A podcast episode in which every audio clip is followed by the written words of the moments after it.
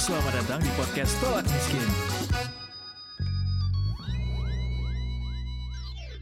Selamat datang di podcast Tolak Miskin Detikers bersama saya Eduardo Simorangkir. Apa kabar? Mudah-mudahan nggak jadi salah satu orang yang kena musibah dari kasusnya FTX ya Detikers ya.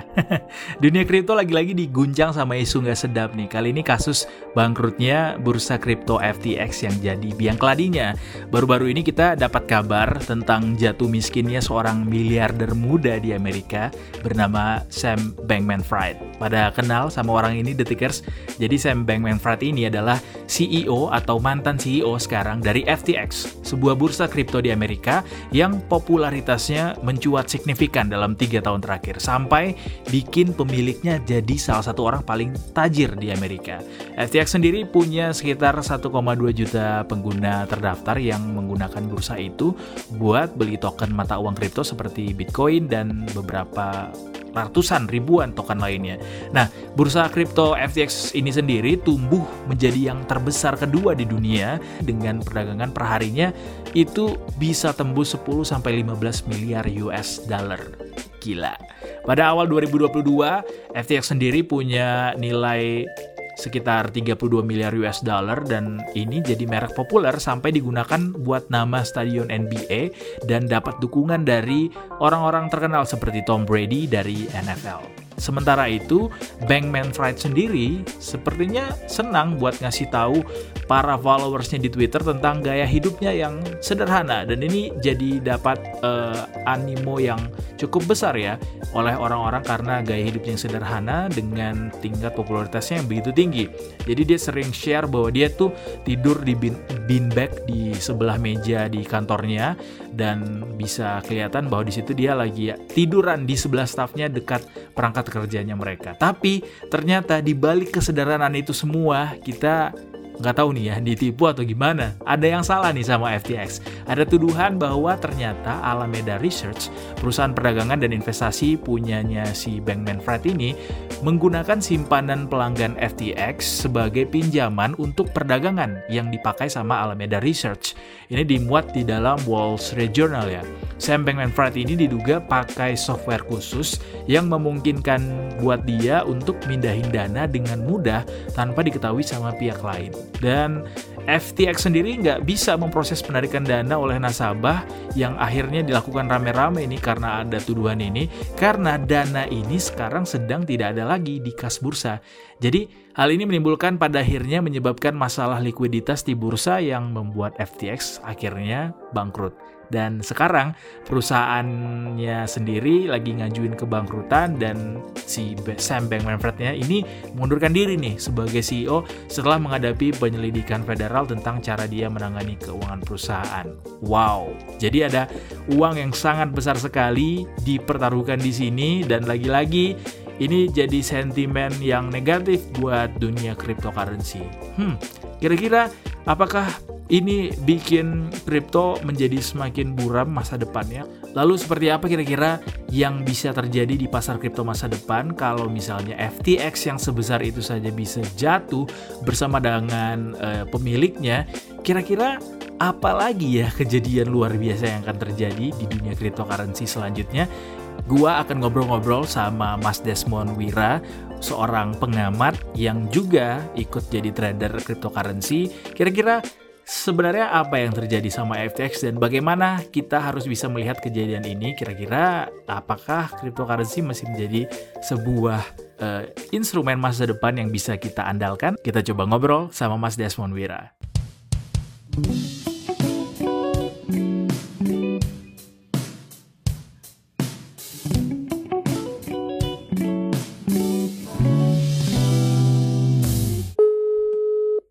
Halo, selamat siang Mas Desmond.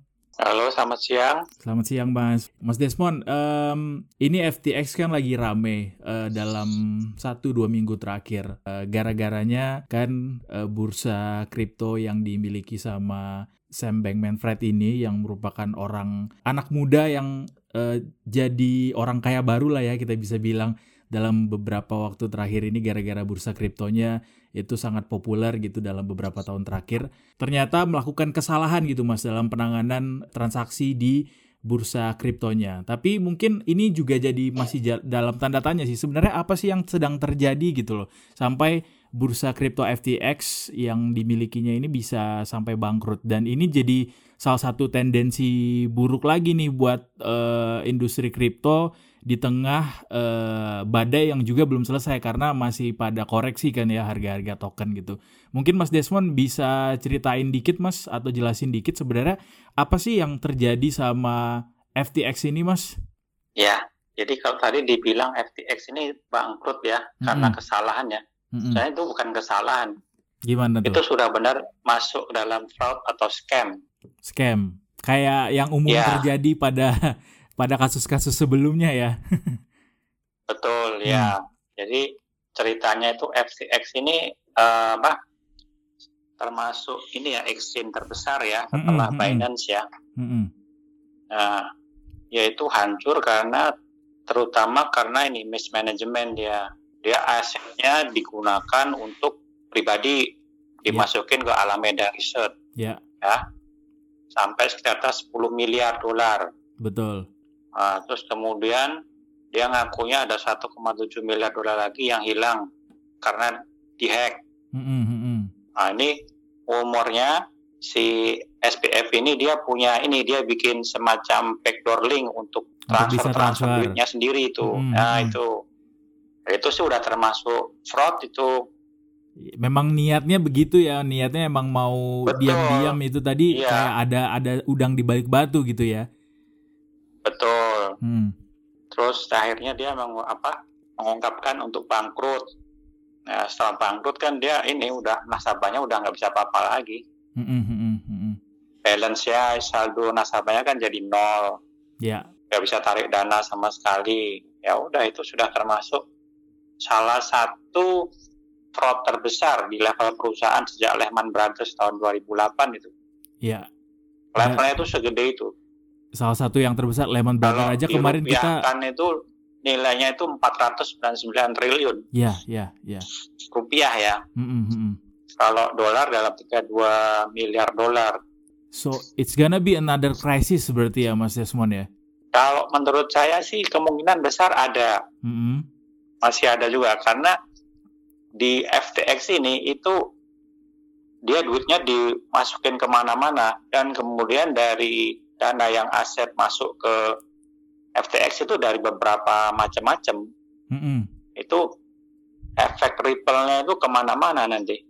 Sebelum nah. ngomong soal krisis yang akan ditimbulkan gitu Mas ya, ini ngeri banget kita bisa uh, di, uh, tadi Mas Desmond bilang perbandingannya tuh mirip-mirip analoginya mirip Lehman Brothers gitu. Kita masih kebayang krisis Lehman Brothers kemarin tuh kayak gimana uh, bikin kekacauan gitu. Tapi soal soal tadi yang scam ini Mas Mas Desmond bilang kan sebenarnya bukan kesalahan se seorang pemilik gitu, tapi memang ada scam. Artinya dari awal nih memang kecenderungannya buat penipuan gitu Mas, maksudnya.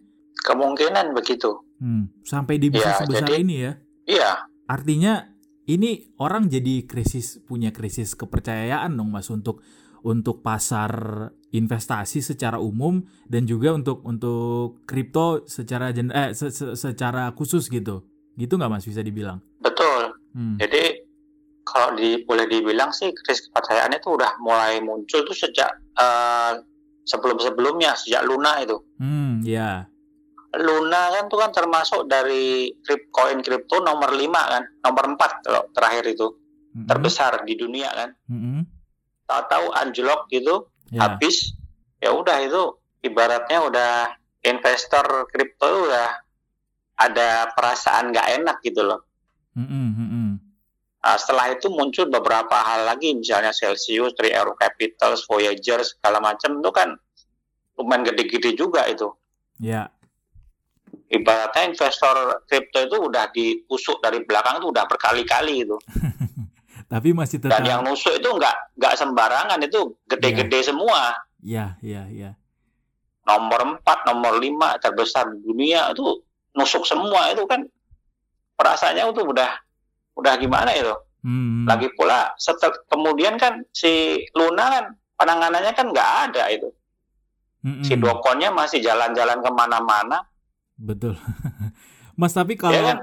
kalau dilihat ini uh, apakah ini adalah satu proses istilahnya uh, journey lah untuk sebuah sebuah instrumen kripto untuk bisa mencapai uh, ya ya inilah proses kepercayaan lah di masyarakat memang harus ada naik turunnya atau kayak gimana sih mas sebenarnya uh, kita harus melihat apa yang terjadi kembali di dunia kripto dan kali ini yang dilakukan sama FTX gitu. Ini kita harus melihatnya seperti apa nih Mas sebagai seorang investor? Ya, yang harus diketahui investor itu awalnya kripto kan dibuat tidak mau diatur dari apa mana-mana kan, pengennya desentralisasi. Ya. Nggak nggak ada regulasi, unregulated market lah itu. Nah, masalahnya kalau unregulated market dan desentralisasi itu akan banyak sekali masalah. Hmm. Mulai dari persaingan, makan makanan, terus kemudian fraud scam, hacking segala macam itu banyak sekali pasti. Ya, hutan rimba lah ya. Ma masalahnya kan kita nggak kan nggak bisa percaya sama orang kan. Hmm, hmm. Kelihatannya baik-baik kayak si SBF ini tahu ternyata busuk si Dokon juga kelihatannya hmm. manis-manis saja tahu-tahu busuk kan nggak hmm. tahu itu. Hmm. Nah, kalau kepercayaan investor kripto bisa pulih kembali kalau marketnya diregulasi. Hmm. Nah, kalau udah diregulasi kan artinya apa?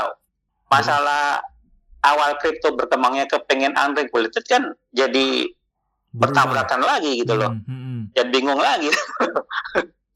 Bisa nggak mas? Ya itu memang begitulah. Unregulated itu memang masalahnya begitu. Hmm, hmm, hmm. Pasti akan ada oknum-oknum yang kurang ajar gitu loh. Iya iya. Nah ini masalahnya yang kurang ajar ini gede-gede itu loh. Oke oke. Okay. Mas, ya kalau kita kalau kita lihat ke belakang kan memang dunia kripto ini cukup banyak tantangannya ya, cukup banyak up and downs-nya. Apalagi selama tiga tahun terakhir gitu. Harga Bitcoin sendiri kita bisa lihat uh, sekarang tuh udah jatuh sampai level terendah dalam dua tahun terakhir dan banyak yang bertanya-tanya juga kalau misalnya uh, eh, FTX ini bisa jatuh gitu, uh, yang tadinya sangat populer dengan uh, bursanya dan juga punya token FTT-nya. Uh, apalagi kejadian yang bisa jatuh selanjutnya mas? Ada yang bilang ini adalah masih masih permulaan gitu masih ada banyak kejadian-kejadian besar selanjutnya yang akan terjadi. Kira-kira yang ter terjadi selanjutnya kayak gimana mas? Dan apakah artinya kita harus mundur dulu nih dari pasar kripto ini atau seperti apa mas Desmond? Oke. Jadi yang harus diketahui banyak orang ya tentang kripto ini tentang koin bitcoin dan dan segala macam mm -hmm. itu sebenarnya dia itu kosong sebenarnya, nggak ada aset sama sekali. Mm-hmm.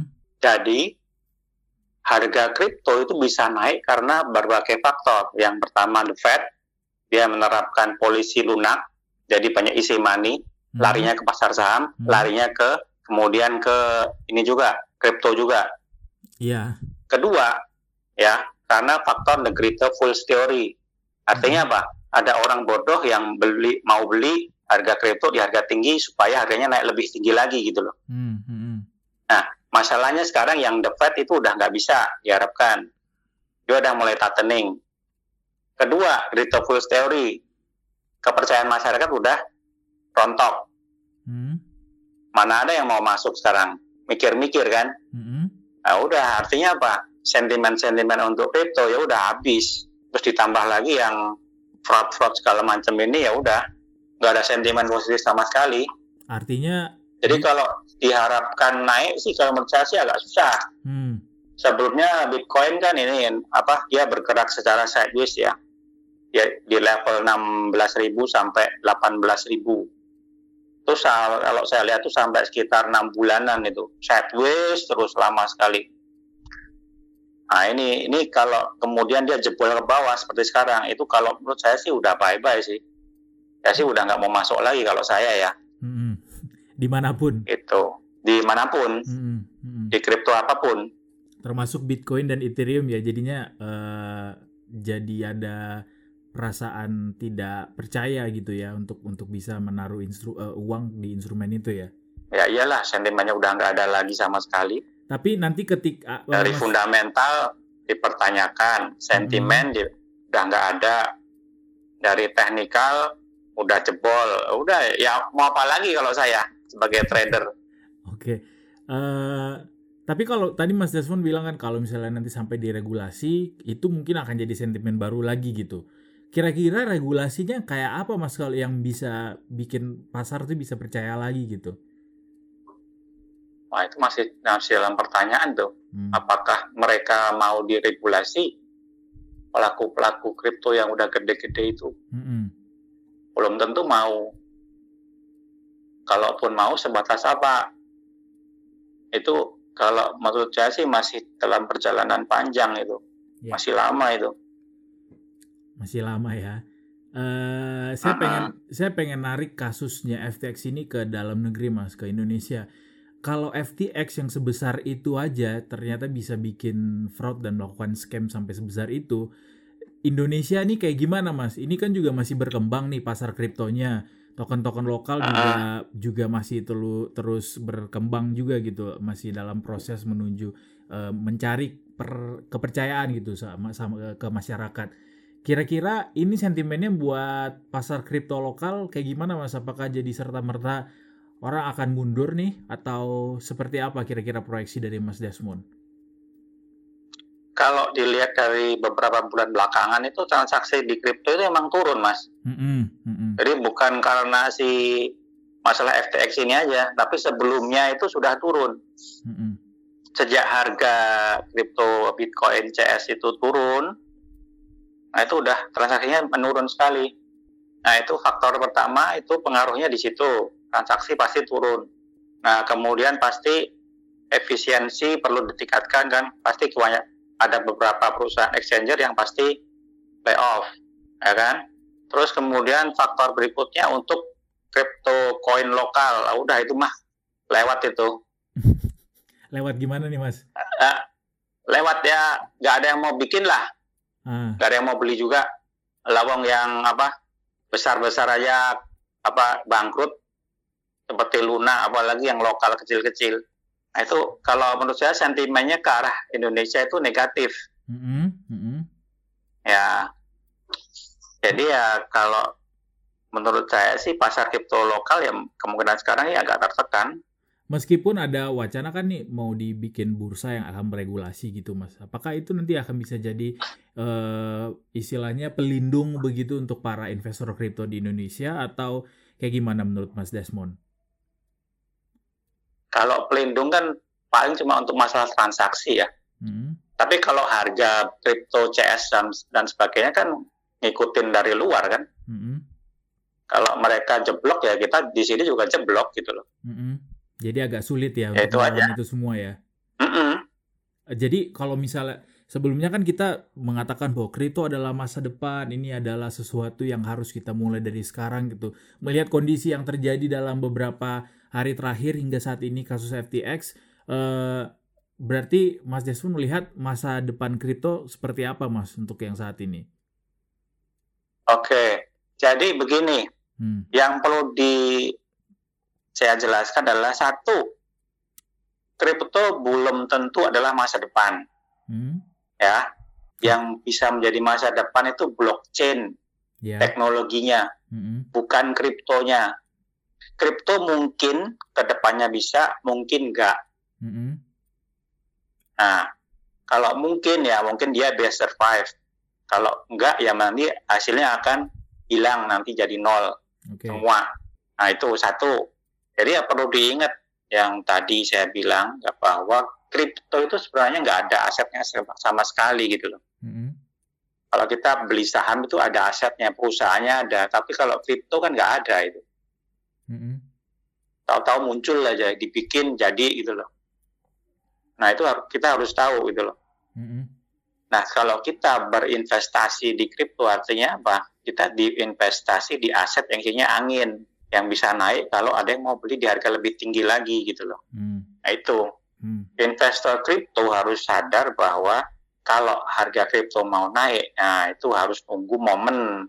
Momennya apa? Sentimen, tunggu sentimen dulu kalau sentimennya nggak ada ya udah turun pasti hmm. 14 dan resiko paling buruk di kripto adalah harga jadi nol itu bisa jadi hmm. jangan dikira masa depan itu kripto bukan masa depan itu kemungkinan adalah blockchain Kripto masih teknologinya, bukan kriptonya. Hmm. Itu banyak itu banyak salah paham dari banyak orang.